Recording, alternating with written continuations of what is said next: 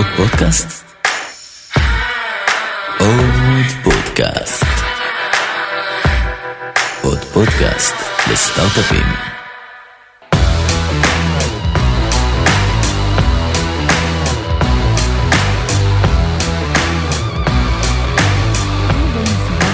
שלנו עקבות גיל.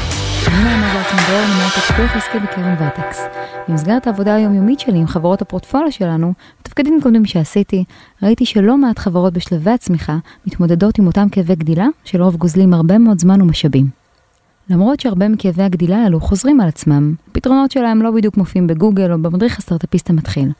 ולכן בפודקאסט הזה נחקור בכל פרק כאב גדילה אחר, וננסה למצוא כלים פרקטיים ורעיונות התמודדות אפקטיבית איתו. היום נמצא איתנו אילן שטרן, VPHR בחברת גרדיקו. לאילן למעלה מ-20 שנות ניסיון בעולמות ה-HR. הוא התחיל את דרכו המקצועית בחברות כמו קומברס, ECI טלקום, פנאיה, סייסנס ועוד. בעברו עבד גם בקרן ההון סיכון BRM, והוא נחשב לאחד מאנשי ה-HR הבכירים בתעשיית ההייטק. אילן מתמחה בבניית צוותי מכירות, תכנון והובלה של תהליכים גלובליים בחברות בשלבי הצמיחה, בניית סייטים ברחבי העולם ועוד. יחד נשוחח היום על האתגרים סביב תהליך performance review, תהליך שיש להרבה אנשים תחושות מעורבות לגביו, אבל אין חולק על חשיבותו, ולמה עדיף לא לחכות שתהיו 100, 150 או 200 עובדים כדי להתחיל תהליך כזה, ואיזה פרקטיקות גם חברות קטנות יותר יכולות להתחיל לשלב ביום שלהם. אילן, כיף שאתה איתנו. תודה, כיף להיות. אה, לפני שאנחנו צוללים לנושא, ספר לנו קצת על עצמך ועל גרדיקו. אוקיי, אז uh, אני אילן שטרן, אגב זה אילן ולא אילן. Yeah. קיבלתי. אה, אני 20 ומשהו שנה בתעשיית ההייטק, עבדתי כמו שאמרת גם בחברות גדולות מאוד, גם בקרן הון סיכון וגם בסטארט-אפים בשלבי צמיחה. Guardicore אה, כשנתיים, עוד מעט שנתיים, חברה מדהימה, נמצאת בצמיחה מרשימה ובריאה. מתעסקים בתחום של cyber security, מגינים על data center ים בעולם ההיברידי, אנחנו עושים אה, מערכת מורכבת שיכולה להגן גם על data center ים ב cloud וגם on-premise, container ים, תחום שמאוד מאוד צומח בשנה האחרונה. אה, העולם בגדול נקרא micro segmentation וגרדיקור כנראה אחת החברות המובילות בתחום הזה. 150 עובדים, אתמול גייסנו את ה-151. מזל טוב. תודה רבה. פעילים בשמונה מדינות, או יש לנו אנשים בשמונה מדינות uh, ברחבי העולם, uh, חלק גדול מהאנשים בארצות הברית ובישראל, ויש לנו גם אנשים באירופה, במספר מדינות. Uh, מורכבות של סטארט-אפ בצמיחה, יש לנו חלק מהאנשים, חלק לא קטן שעובדים בהום אופיסס, ויש אתגר של לחבר אותם לתוך הארגון. בעיקר בחו"ל, נכון? רק בחו"ל. ב- בישראל כולם יושבים ב- במשרד בתל אביב. אה, אבל בחו"ל יש בהחלט אה, הרבה אנשים שעובדים בהום אופיסס וזה אתגר לא קטן. זהו, בונים חברה גדולה, זאת המטרה. כמה עובדים הייתם כשהצטרפת? אני חושב שבסביבות ה-70. וואו, וכמה כסף גייסתם עד היום? עכשיו סיימנו את ראונד uh, C שגייסנו בו 60 מיליון דולר וסך הכל גייסנו קצת uh, למעלה מ-110 מיליון דולר. וואו, אז בעצם אתם חווים את כל האתגרי הצמיחה, ממשיכים ללוות. לגמרי. גם דיברנו על זה בשיחה שלנו, יש המון תהליכים ש... זאת אומרת, חברה מתחילה להיבנות, תקשורת פורמלית קצת פחות עובדת, ויש אה, סט של תהליכים שרוצים קצת להחדיר לחברה, mm-hmm. שקצת באמת יקלו בתהליך הזה של הצמיחה, ואחד התהליכים זה פרפורמנס ריוויו, וזה תהליך שתמיד נתפס ככבד ומעיק, אגב, בשני הצדדים. מצד שני, באמת שצריך אותו, הוא חשוב, וגם עובדים מצפים לו. אבל לפני שאנחנו צוללים לקצת מה עשיתם אצלכם בחברה, אני מניחה שיש לנו גם אה, מנכ"לים שמאזינים לנו עכשיו ושואלים את עצמם, מה יוצא לי בעצם כמנכ"ל מתהליך כזה? זה יכול לקחת המון משאבים, עולה המון זמן וכסף, ומעיק קצת, ויש עשרות עובדים בחברה כרגע, והכל מתנהל בצורה טובה. אז למה לי פרפורמנס ריוויו עכשיו? כי העובדים אה, רוצים? קודם כל אני חושב, דיברנו על זה, הנושא של, או השם, פרפורמנס ריוויו הוא שם גרוע. הוא שם נורא. הוא שם גרוע. שם נורא. אני חושב שהוא מפספס לחלוטין את, ה, את המטרה של התהליך ואיך הוא נעשה, ואני חושב שאם אנחנו לא נתייחס לזה כפרפורמנס ריוויו, אלא כשיחה בין עובד לבין מנהל, שיש לה מטרות ויש לה טיימינג מסוים, הארגון כולו ירוויח, ואולי כאן הרווח הראשון שהמנכ"ל צריך להסתכל עליו. אנשים רוצים להתפתח. מסתכלים על מחקרים ואתה מסתכל מה גורם לאנשים להצטרף לחברות ולהישאר בחברות או להרגיש מרוצה בתוך חברה כזו או אחרת. במקום הראשון נמצא הנושא של התפתחות אישית, גם ברמת הקריירה וגם ברמת ההתפתחות האישית. כדי להתפתח, אתה לא יכול לשבת בוואקום עם מה שאתה מכיר ומה שאתה יודע, לא לקבל איזשהו משוב על הצורה שבה אתה עושה את הדברים. ולכן כשאנחנו מסתכלים על retention של עובדים, אה, עוד לפני שאנחנו מדברים בכלל על נושאים אחרים, אבל פשוט retention של עובדים. קשה מאוד לשמר עובדים בלי לתת איזשהו מסלול התפתחות בתוך החברה. והנושא של פידבק או שיחה על הצורה שבה עובד עושה את הדברים או לא עושה את הדברים, היא מאוד משמעותית לשימור של העובד. אז כשמנכ"ל מסתכל על כלים לשימור, זה בהחלט אחד הכלים המרכזיים לשימור עובדים. רווח נוסף, הארגון נמצא בצמיחה, באופן טבעי מתחילים להתפרק דברים. הקשר שהיה קודם מאוד מאוד צמוד, נעשה במסדרון, נעשה בפינת הקפה, אה, ונעשה בצורה נורא לא פורמלית, מתחיל להתפזר, אין מה לעשות, זה, זה. זה חלק, נכון, זה חלק מהעניין. כתוצאה מזה, הפרפורמנס של הארגון, לא של העובד, אלא של הארגון, הולך ונשחק. דברים שקודם נעשו בצורה נורא מהירה, החלטות שנעשו בצורה נורא מהירה, אה, סייקלים אה, מהירים שנעשו, נעשים הרבה יותר מורכבים. ואם רוצים להסתכל על איך משפרים את הביצוע של הארגון, צריך להסתכל גם על העובד, על, ה- על האינדיבידואל, ככלי ראשוני לפרפורמנס של הארגון כולו. כשאני מסתכל על תהליך כזה, אני מסתכל על שני הדברים האלה, על המקום של העובד לצמוח ועל ה performance של הארגון כארגון. נכון, וגם נראה לי יותר להרגיש את השטח. אם נורא מדברים על data driven HR, אז בעצם אתה, אתה לא חושב מה קורה, אתה יודע לבסס את זה, ואיך תדע לבסס אם לא תשאל. זה מאוד נכון.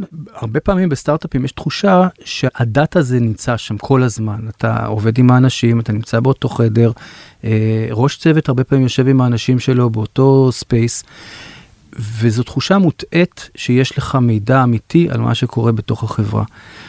והיא מובילה לעיוורון, ממש לעיוורון. אתה יכול בקלות לפספס את מה שקורה בשטח, אם אתה לא מתחיל ליישם איזה שהם תהליכים מעט יותר מסודרים, בלי להפוך את זה לתהליך כבד.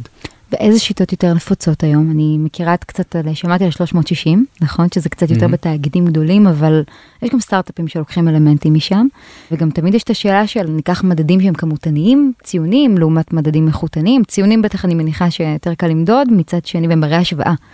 אבל הם גם מייצרים מתחים, ויש ארגונים בדרך כלל קצת יותר גדולים שדורשים נרמול.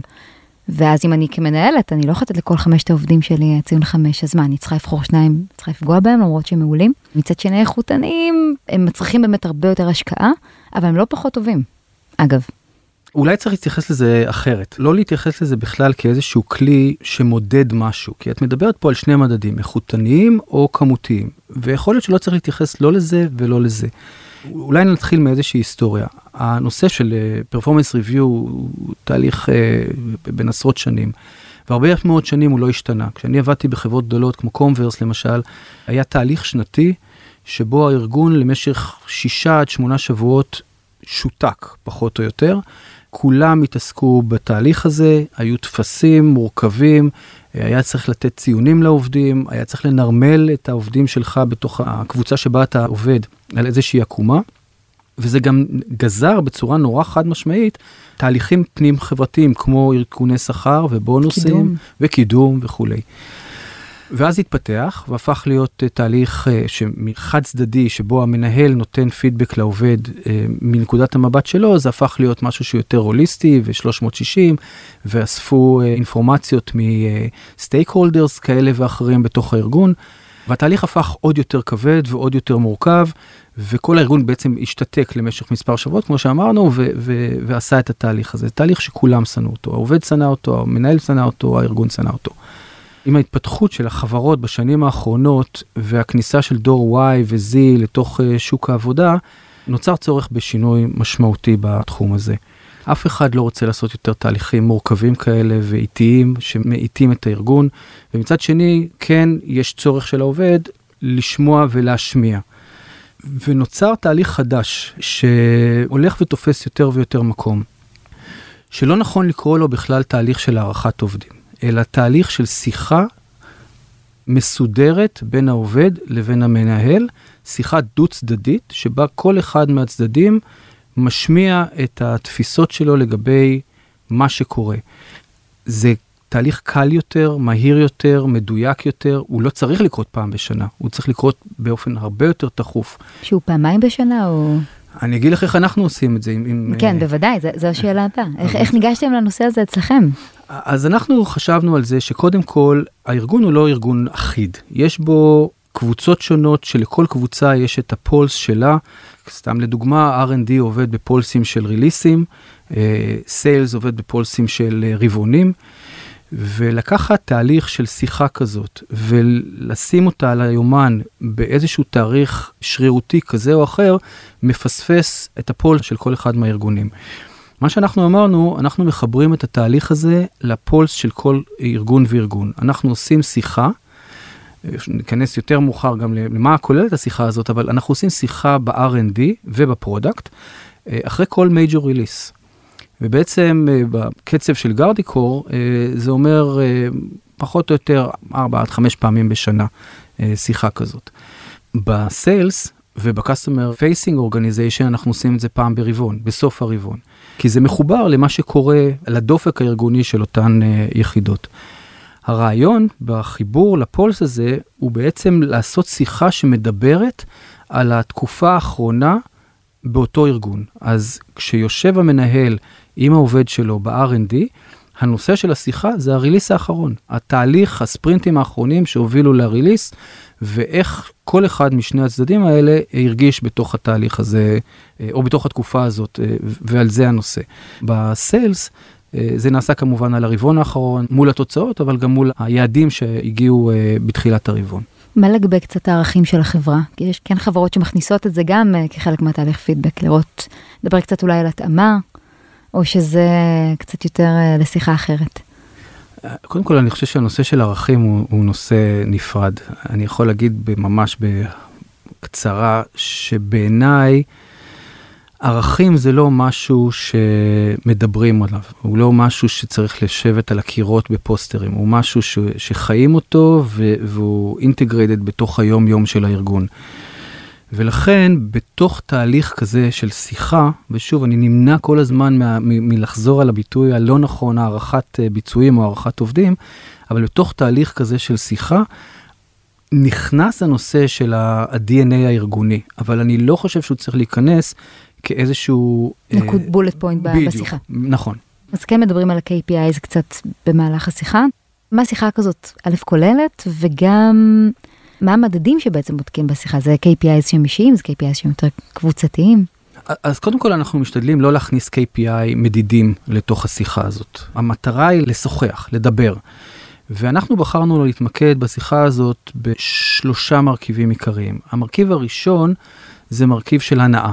אנחנו רוצים לוודא שהעובד נהנה בחברה, הוא נהנה ממה שהוא עושה, הוא נהנה מהחלק החברתי בחברה, ואנחנו מקיימים את השיחה הזאת סביב הנושא הזה בצורה דו צדדית. כלומר, גם העובד נשאל על ההנאה שלו, על עד כמה הוא מרגיש מרוצה ממה שהוא עושה בחברה, מ- מרמת העניין שלו, מרמת ההתפתחות שלו, מהחלק החברתי בחברה, אבל גם המנהל נותן את התחושה שלו לעובד לגבי רמת העניין. כלומר, יש פה איזושהי הבעת עניין ותחושה שהמנהל רואה את העובד ולא רק בא לאסוף אינפורמציה. אז זה חלק אחד, חלק של ההנאה של העובד בתוך החברה, וזה חלק מאוד משמעותי בהחלטה של עובד להישאר או לא להישאר בתוך ארגון. החלק השני הוא החלק של uh, תרומה. גם כאן העובד רוצה להרגיש שהוא תורם ושמה שהוא עושה באמת נותן איזושהי תפוקה משמעותית לתוך החברה, וכמובן שהחברה רוצה לראות את התרומה הזאת. אז החלק הזה מתמקד, אפשר לקרוא לזה KPI, אבל זה לא ממש KPI, זה יותר בתחושה של המנהל ושל העובד, של עד כמה העובד תרם למאמץ המלחמתי של אותו ארגון באותה תקופת זמן שמסוכרת בשיחה הזאת. זה יכול להיות במכירות מול היעדים של המכירות, אבל אנחנו נפספס אם נדבר רק על יעדי המכירות, הגעת או לא הגעת. זה חייב לכלול ולהתייחס גם לתהליך שמוביל את העובד הספציפי להשגת היעדים שלו. ניקח את המכירות, כי זה באמת uh, מעט אחר מאשר ב-R&D. אם יש עובד שאנחנו מרגישים שתהליך המכירה שלו חסר, הוא לא עושה מספיק טלפונים, הוא לא יוצא מספיק לפגוש לקוחות, הוא לא עושה פולו-אפ אה, מסודר על תהליכי המכירה שלו, זה המקום להתייחס אליהם בתוך השיחה. כמובן ביחס לתוצאות שהוא הגיע או לא הגיע אליהם, אבל יכול להיות בהחלט uh, מקום לתת פידבק לעובד שהגיע ליעדים שלו ולכאורה עמד בכל מה שהוא היה אמור לעשות, אבל לתת לו תחושה של, או לתת לו את הפידבק על זה שהציפייה uh, ממנו זה לעשות את הדברים יותר מוקדם ברבעון, uh, לנהל יותר את התהליך. לתקשר לת... אותו. לתקשר אותו, להפעיל אחרים בתוך התהליך בצורה יותר אפקטיבית ממה שהוא עושה היום. אה, ועל ידי זה לשפר בצורה אה, נורא ממוקדת את הביצועים שלו בתוך הארגון, ואז את הביצועים של הארגון. אז זה החלק השני, אז היה לנו את החלק של ההנאה, והיה לנו את החלק של התרומה לפרפורמנס של הארגון בכלל. והחלק השלישי הוא החלק שבו המנהל מנסה להבין איפה הוא יכול לעזור לעובד שלו להתפתח או לשפר את, ה, את הביצועים שלו בתוך החברה, וגם איפה הוא עצר אותו. כלומר, הוא, הוא בעצם מבקש פידבק על אותה תקופת זמן אחרונה, כדי להבין מה הוא עשה נכון, מה הוא עשה לא נכון כמנהל, ואיך הוא יכול לשפר את הדברים האלה לקראת תקופת הזמן הבאה בארגון. כשהכול טרי. כשהכול טרי, זה, זה בדיוק הנקודה. הרבעון הסתיים, הריליס אה, אה, נעשה כרגע, ואנחנו מדברים על מה שקרה בשבועות האחרונים, או בחודשים האחרונים, כשזה חם וטרי ומורגש נורא באופן חד. אתה מאוד עם יד על הדופק. לגמרי, לגמרי. זה גם הופך את השיחה משיחה שכמו שאמרנו קודם, שנעשית פעם בשנה ואתה צריך לדלות ממעמקי uh, הזיכרון שלך דוגמאות. כן, uh, כבר לא רלוונטיות, יכול להיות שהעובד ישתפר, או, או שזה כדור שלג שיתגלגל, ואז איפה אתה מתחיל, איפה היית בשמונה חודשים האחרונים. נכון. אז אתה הופך את זה למשהו שהוא הרבה יותר על הדופק, הוא מאפשר שינויים, הוא מאפשר לעשות במהלך השנה תיקונים ושינויים הרבה יותר מהירים מאשר אותה שיחה שנתית שנעשתה בעבר. והשיחה הזאת מתועדת במקום מסוים? אוקיי, אז, אז פה הייתה לנו התלבטות. אנחנו עשינו את הפיילוט הראשון לפני כשנה, וההחלטה אז הייתה לתעד את זה באופן מאוד מאוד חלקי. בקבוצות מסוימות עשינו את זה לחלוטין ללא תיעוד. והמטרה הייתה לעשות שיחה. אחרי הפיילוט הרגשנו שחסר לנו משהו. בעיקר חסר לנו הפולו-אפ, כלומר נעשתה שיחה בין שני אנשים, תעשה שיחה דומה בתום תקופת הזמן הבאה, ואם אין לנו משהו מתועד, לא תמיד קל אה, לעשות פולו-אפ ולבדוק מה קרה, מה השתנה, מה, מה הוא אמר אז ומה הוא אומר היום, האם אנחנו בכיוון חיובי. ולכן החלטנו שאנחנו כן נתעד את זה. אה, יחד עם זה, ההחלטה היא לתעד את זה בצורה קלה. אין טפסים מורכבים, יש שאלה, רמת ההנאה, יש שאלה לגבי רמת התרומה, ויש שאלה לגבי המנהל ומה הוא יכול לעשות יותר טוב, וזה טקסט פתוח לחלוטין. וקיבלנו החלטה ממש לאחרונה, כשעשינו את הלונץ' הרשמי, שהשיחה הזאת, למרות שהיא מתועדת, היא סגורה בין העובד לבין המנהל, היא לא עולה ללבלים למעלה. אה, היא נשארת אינטימית בין המנהל לבין העובד, כי המטרה של השיחה היא לקיים את אותה אינטימיות, ולא להתחיל להפיץ את זה אה, למעלה למנהל של המנהל או למנכ"ל וכולי. השתמשתם במערכת מסוימת אה, לעשות את זה, או שזה... כן, אנחנו משתמשים בפלטפורמת HR שמאפשרת לנו בתוכה גם לעשות את התהליך של הערכת עובדים, כמו שזה נקרא, אבל הקללנו את התהליך הזה בצורה דרמטית. מה לגבי שקיפות? יש את השאלה הרבה פעמים, אה, אתה יודע, בדרך כלל מנהלים ממלאים איזשהו טופס, מגיעים לשיחה, וחלק מהעובדים אומרים, רגע, אבל לא ידעתי על מה להתכונן לפני, וגם, רגע, הפידבק הזה, הוא, הוא חשוף לי אחרי זה, הוא לא חשוף לי אחרי זה. זו גם שאלה קשה. נכון, אה, אנחנו בחרנו לעשות את זה אה, בצורה שהעובד מקבל את הטופס ומקבל את ההסבר בכלל על התהליך עוד לפני השיחה, הוא ממלא את החלק שלו בטופס עוד לפני השיחה. הפידבק של המנהל או השיחה עם המנהל נעשית בריל טיים, הוא, הוא לא קורא שום דבר אה, לפני, הוא קורא, הוא יכול לקרוא אחרי השיחה שנעשתה וזה גם יכול לעבור שינויים בהתאם לשיחה הספציפית שנעשתה עם העובד. אבל זה נסגר ביניהם, זה, זה לא ממשיך הלאה. ואם יש נניח מנהל שיש איתו קצת בעייתיות, העובדים פחות מרוצים, זה קורה לפעמים, שהממשק קצת פחות טוב, יש מנהלים שם קצת יותר כוחניים, אולי זה פחות מתאים, יש דברים שצריכים לעלות למעלה, אז איך הם עולים בעצם, אם לא חשופים? קודם כל הם יכולים לעלות מול המנהל. של המנהל. לא, לא, קודם כל מול okay. אוקיי. המנהל עצמו. יש עובדים שבוחרים לדבר עם המנהל שלהם, גם אם הוא מנהל קשה וגם אם יש להם אה, ביקורת, להפך, השיחה הזאת מזמינה ביקורת. יש שם שאלה ספציפית שהמנהל מבקש תגובה או פידבק על איפה הוא עצר את העובד, איפה הוא תקע את ההתקדמות של העובד בתקופה האחרונה. אנחנו מניחים שבחלק מהמקרים זה יעלה ובחלק מהמקרים זה לא יעלה. יש תהליכים אחרים שבהם אנחנו מנסים לעלות על מקומות כאלה או על בעיות כאלה שהם לא דרך המנהל באופן ישיר. יש שיחות תקופתיות עם HR, יש שיחות uh, תקופתיות עם המנהל העקיף, שהן שיחות לא פורמליות, לצאת עם העובד לצהריים ולשמוע מה קורה איתו uh, ולאסוף את האינפורמציה בצורה כזאת. ואז אנחנו מקבלים איזושהי uh, תמונה מעט יותר הוליסטית על, ה, על מה שקורה. יש כלי נוסף שלא ניכנס אליו הפעם, אבל אני חושב שהוא מאוד משמעותי בתוך ארגון, זה כלי של uh, סקרים ארגוניים אנונימיים, שמאפשרים להרגיש את הדופק במקומות שבהם יכול להיות שיש כיסוי חזק מדי או אטום מדי, ואנחנו לא מצליחים לראות את הבעיה שם. אז כשאתה אוסף את כל האינפורמציה הזאת, הן בין העובד לבין המנהל באופן ישיר, הן בין העובד לבין HR או מנהל עקיף, והן דרך אותם uh, סקרים ארגוניים, התחושה היא שאתה יכול לקבל תמונה מדויקת והוליסטית יותר. אוקיי, okay, אז קיבלתם החלטה על אסטרטגיה, על אה, מתודה שעכשיו הולכים איתה, ואז מגיע חלק שצריך להטמיע תהליך כזה בחברה. בטח כמו חברה שלכם שהיא ענקית והיא גם multi-site עכשיו, אז כמה שאלות כאן. אז גם איך בכלל מתגברים על הבדלי התרבויות, וגם מעניין אותי לדעת אם עשיתם הכנה למנהלים. זאת אומרת, צריך לעבור איזשהו training, אני מניחה, של מה כן ומה לא, ו- ואיך לגשת, אז איך זה mm. קרה אצלכם? קודם כל, ברמת ההבדלים הבין תרבותיים, לא הרגשנו שתהליך כזה מייצר בעיה. כלומר, בסופו של דבר מדובר בשיחה בין עובד לבין מנהל, ולא הרגשנו שיש משהו בתרבויות השונות שיש בתוך גרדיקור שעלול אה, להפריע לזה.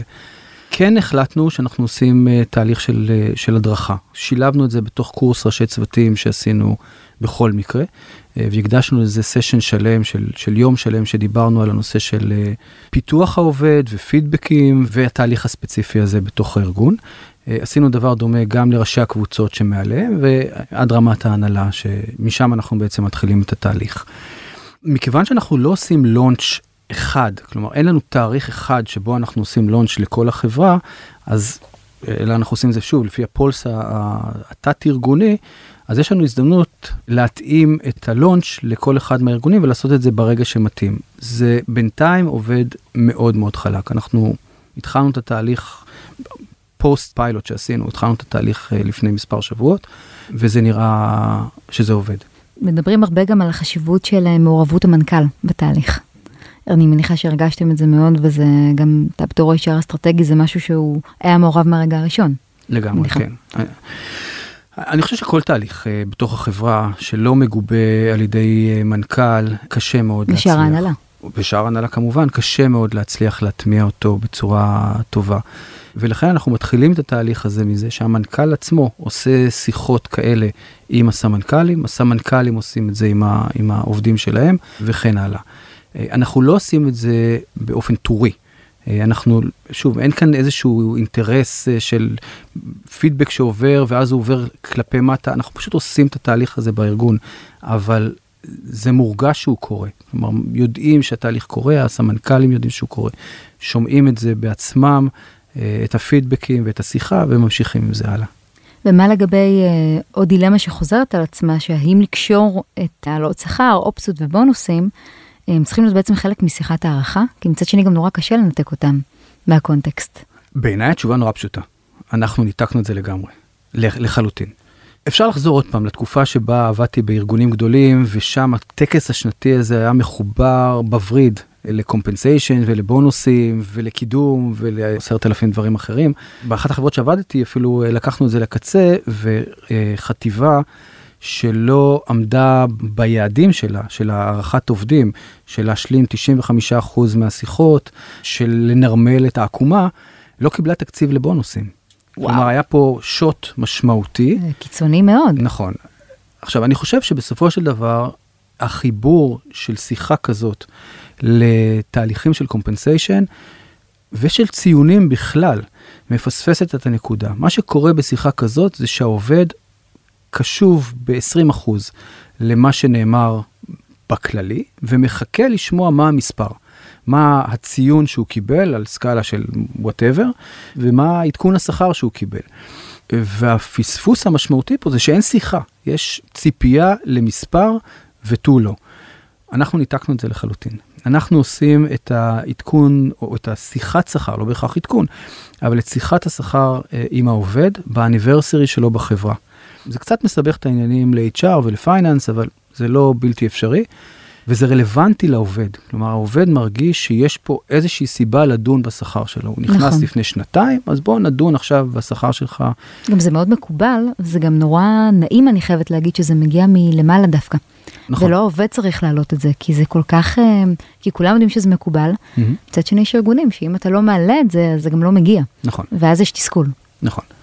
אז, אז ה- ה- התפיסה שלנו פה זה שהארגון יוזם את זה, העובד יודע שבאניברסרי שלו הוא יישב ויקבל שיחה כזאת, ויש ניתוק מוחלט בין תהליך השיחה התקופתית, אני כל פעם נזהר מלהשתמש במונח performance review, אבל uh, יש ניתוק מוחלט בין התהליך הזה לבין תהליך השכר או איזשהו ציון כזה או אחר, אין ציונים. נכון, וגם באמת נורא מותאם לכניסה של דור ה-Y וה-Z. באופן כללי, כאדם שמרגיש את השטח כל הזמן, שתהליכים שהשתנו בעקבות הכניסה הזאתי, או דברים שצריך להיות אליהם כמנהלים קצת יותר אה, מודעים מבעבר. אני חושב שכל התהליך הזה נבע מהכניסה של, של הדור הזה לשוק העבודה. זה דור שמצפה לפידבק, שרוצה להתפתח, שקורא לפידבקים, והוא גם רוצה להשמיע. והתפיסה שלנו בבניית התהליך הזה, זה שיש פה שיחה שמאפשרת לעובד גם לשמוע וגם להשמיע. אגב, אנחנו קוראים לזה to chat, שניים chat, אה, במובן של יש פה שני אנשים שצריכים לשבת ולדבר. נכון, זה דו-כיווני. נכון, אין פה הערכה, אין פה ציונים, יש פה שיחה בין שני אנשים שעובדים ביום-יום ביחד, ואמורים לדבר ולהבין איך הם כמיני צוות מתקדמים קדימה כדי לשפר את כל המימדים הרלוונטיים. אתה יודע שלפני, אה, לדעתי זה היה שנתיים, היה לנו חבר מאוד טוב שעבד בלינקדין, בדבלין. ואני זוכרת שהייתי בשוק, כשהוא סיפר לי שהשיחה הראשונה שלו, אחרי שהוא נכנס לתפקיד עם הבוס שלו, בסוף השיחה הוא אמר לו, תקשיב, אנחנו יודעים שכנראה לא תישאר פה יותר משנתיים, שנתיים וחצי, אז אני רוצה שתחשוב לאן אתה רוצה להתפתח, ותתקשר את זה אלינו, ואנחנו נדאג ש-10-20% מהזמן שלך תתעסק גם בדברים שהם לאו דווקא קשורים לעבודה הישירה שלך, ושתוכל ללמוד ולהתעצם, וזו המחויבות שלנו, ויכול להיות שתישאר. אבל גם אם לא זה בסדר, אנחנו מודעים לזה, ומה שנקרא, תעזור לנו לעזור לך. והייתי בשוק. אני בחיים לא שמעתי שדבר כזה קורה. זה מקסים. אה, אני לא יכול גם אני לא להגיד... יודעת אם- אם סטארט-אפים יכולים להרשות לעצמם בכלל להגיד דבר כזה. זה בדיוק הנקודה. אני חושב שלצערי לא. אנחנו חיים מרבעון לרבעון, והיכולת לתכנן קדימה, בטח מסלולי קריירה של עובדים, היא מאוד מאוד מוגבלת. אבל אנחנו כן, דרך השיחות האלה, מנסים להבין מה הציפייה של העובד, לאן הוא רוצה להתקדם, ואנחנו ניקח את זה בחשבון כשבפעם הבאה שאנחנו אה, נפתח איזשהו תקן כזה או אחר אה, לגיוס. יש מקרים שבהם אפשר להשתמש במידע הזה גם בסטארט-אפים וכן לעזור לעובד להתפתח בכיוון שלו הוא רוצה להתפתח. אבל להגיד שאנחנו יכולים לעשות את זה כמו ארגונים אה, גדולים, כמו לינקדאין וכולי, זה לא נכון, זה, זה לא יהיה אמיתי. אז בעצם מה שקראתם לו באניברסרי של העובד, אז זאת שיחה אני מניחה גם על באמת השכר, קומפנסציה ובעיקר גם על הקידום, זאת אומרת על ה- להסתכל קדימה. לא, דווקא, ש- דווקא השיחה הזאת אה, אה, באניברסרי היא שיחה שהיא פיור מספרים, היא שיחת שכר. יש בה אה, כמובן התייחסות לפרפורמנס של העובד ולמצב של הארגון וכולי, אבל דווקא את השיחה הרכה יותר על, ה, על ההתקדמות של העובד, לאן הוא רוצה להתפתח ואיך אנחנו יכולים לפתח אותו לשם, אנחנו עושים בטוצ'ט ה- אוקיי. התקופתי. זה המקום לדבר בעצם. איך אתה נמנע מזה שכל ארבעה חודשים מישהו מבקש אה, העלאת שכר? או שזה, ברגע שזה מכילים תהליך כזה, זה מהסוג הדברים שלא צריך לדבר עליהם, פשוט אנשים מבינים וגם נרגעים, כי הם יודעים שבסוף שנה ניגע בנושא הזה. אני חושב שזה מה שקורה בסופו של דבר. זה נותן תחושה לעובד שהארגון ייזום את זה. יש מקרים שבהם אנחנו עושים את זה לפני האניברסרי, כשיש איזשהו שינוי שמצריך את זה. אה, עובד שמשנה תפקיד, או משהו מיוחד שקרה בפרפורמנס של העובד, אנחנו נעשה את זה מיוזמתנו אה, תמיד. וזה מוריד את הלחץ מהעובדים לחפש את המקום שבו הם יהפכו את השולחן ויגידו מגיע לי. לא שזה לא קורה, זה קורה, אבל זה הרבה פחות אה, ממה שהיה בעבר. מה אתה מציע ככה לעובדים ומנהלים לעשות יותר טוב כדי להתכונן לשיחה כזאת? ולהוציא את המיטב ממנה. אני חושב אולי שכן, גם מה לא לעשות אגב, גם חשוב. אני חושב שצריך להתכונן לשיחה כזאת, שני הצדדים צריכים להתכונן, צריך לשבת ולחשוב על אותם פרמטרים שהארגון הגדיר שמעניין אותו לשמוע עליהם. אצלנו זה הנושא של ההנאה ושל התרומה, ולנסות לחשוב בצורה כנה, כל אחד עם עצמו, לקראת השיחה. כשהשיחה נעשית באוריינטציה של בוא נשב ונדבר איך אנחנו עוזרים לך להתפתח ולהיות שמח בבוקר כשאתה בא לפה כל יום, יש מקום לכנות, יש מקום לעובד לבוא ולהגיד, טוב לי, לא טוב לי, משעמם לי, אני רוצה לעשות משהו אחר. פחות מאשר כשהשיחה מובילה בסוף, ל- אתה כן מקבל את האלף שקל או לא מקבל את האלף שקל. ואני חושב שברגע שהארגון מבין את זה ומפנים את זה, הדרך להתכונן לשיחה זה פשוט לשבת בכנות עם עצמך ולנתח מה עובד לך ומה לא עובד לך. ומתי לדעתך הזמן הנכון להתחיל עם תהליך כזה? אתמול. אתמול? גם אם. זו חברה של עשרה עובדים. זאת הסכנה, ואמרתי את זה קודם, אה, נורא נורא קל לחשוב שבארגון של עשרה עובדים, אתה יושב ביחד והעובד יודע בדיוק במה הוא טוב ובמה הוא לא טוב, ואתה יודע מה הוא רוצה ו- ומה משמח אותו ומה לא. זה לא צריך להיות תהליך כבד, זה לא צריך להיות איזשהו תהליך אולי אפילו לא מתועד בשלב כזה של ארגון. אבל זה כן צריך להיות משהו שנכנס ל-DNA של החברה, שאם אם דיברנו קודם על ערכים, אז ערך של שיחה ושל פידבק דו צדדי צריך להתחיל מהיום הראשון של החברה, ואז תגייס גם אנשים מתאימים, כאלה שיודעים לתת פידבק ויודעים לקבל פידבק ופתוחים להתפתחות, מהיום הראשון. את היית מתאים, אה, נזהר ממועדים מסוימים? זאת אומרת, לפני חגים אני יודעת שבדרך כלל נזהרים לא לעשות, או שברגע שזה סוג של מתודה שנתית, אז זה בסדר. לא, אני חושב ששוב, ברגע שמדובר בשיחה, והשיחה מדברת על התקופה האחרונה ועל מה שעשית בתקופה האחרונה, המועדים בשנה אין להם שום משמעות, הם, הם? מנותקים לגמרי. השיחה נקבעת, נכון? זאת אומרת, היא כן. משהו שהוא ביומן. כן, כן. וכל כמה זמן אתם עושים שיחות עם HR נניח? אנחנו עושים שיחה כשהעובד מגיע לארגון עם ה-HR שלא פגש אותו, כלומר אה, במקרה של ישראל יש אה, דירקטור HR ישראל ואני לא מראיין כל עובד בארץ אז אני פוגש את העובדים החדשים שמגיעים. אנחנו עושים שיחה נוספת אחרי אה, רבעון כדי להבין מה קורה ואיפה הדברים עומדים ועד כמה הציפיות אה, ש- שנבנו בתהליך הגיוס באמת מתממשות אצלו ב- בתחושה.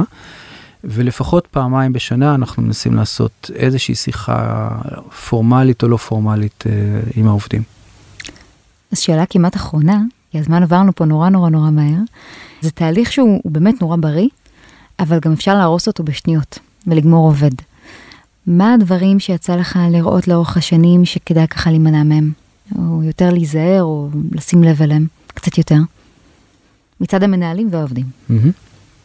אני חושב שבסוף צריך לדעת לעשות שיחה אותנטית. זה אולי המילה הנכונה פה. אותנטית זה אומר שיאמרו דברים שמצריכים שיפור, יאמרו דברים שהם טובים וצריך לשמר אותם, אבל הם יאמרו בצורה כזאת שהיא כנה, היא אמיתית והיא לא פוגענית. אה, השימוש במילים פה הוא מאוד משמעותי, הנכונות של המנהל לשמוע ולהשמיע זה מאוד משמעותי.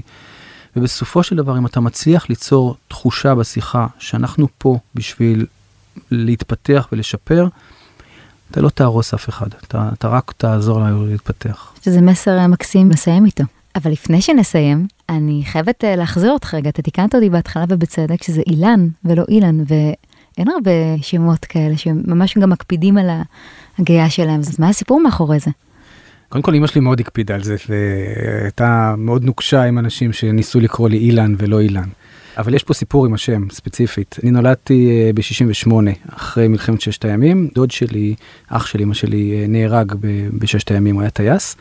קראו לו אלכס, אה, ואימא שלי כש, כשנולדתי חיפשה איך להנציח אותו בלי לקרוא לי אלכס.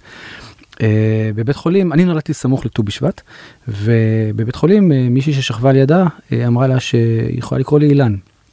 גם קשור לט"ו בשבט, וגם ראשי תיבות של עת יקירנו לא נשכח. בצורה כזאת אני הנצחתי אותו בלי להיקרא אלכס, אז, אז אני מקפיד על האילן. סיפור מקסים. ותודה רבה רבה שהגעת, בשמחה. ותודה גם לגוגל פור סטארט-אפס על האירוח, ותודה לכם המאזינים, לתום וגיא ולשאר הצוות, ונתראה בפרק הבא של עוד פודקאסט על כאבי גדילה.